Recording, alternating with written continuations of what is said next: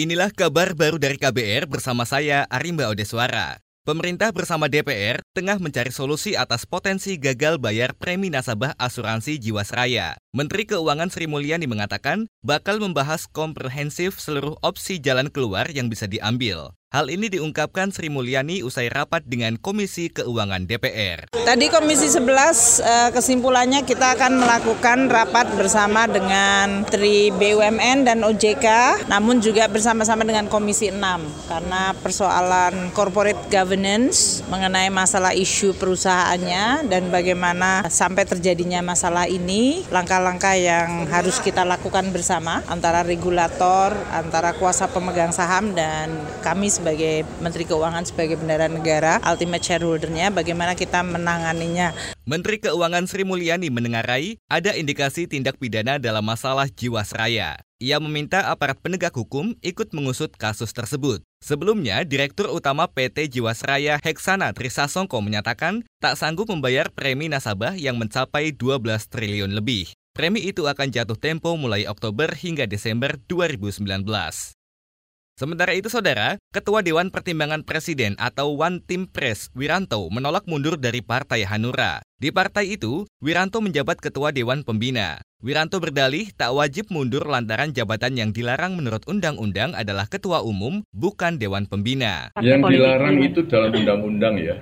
Undang-undang itu jelas mengatakan bahwa untuk partai politik yang dilarang itu menjabat sebagai ketua umum partai atau sebutan lain atau menjadi anggota badan pengurus harian.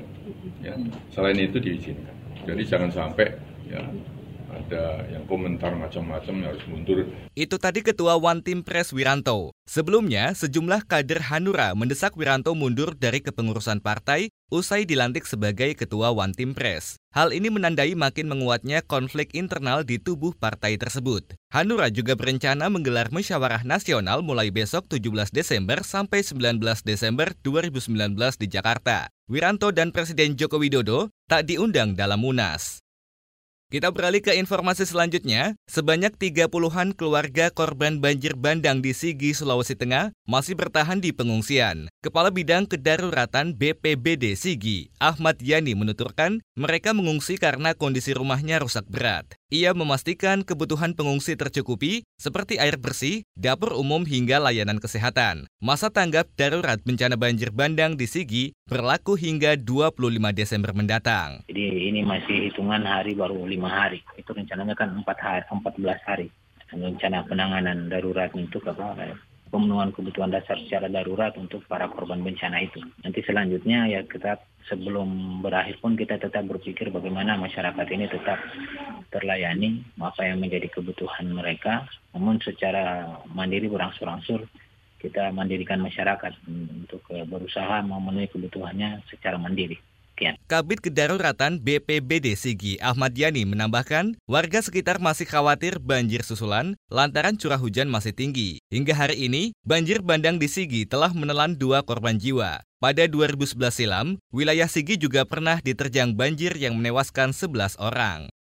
Kita beralih ke informasi olahraga. Ganda putri terbaik Indonesia, Gracia Poli Apriani Rahayu, diminta memperbaiki kebugaran fisik usai tampil buruk di final Tour Dunia BWF 2019.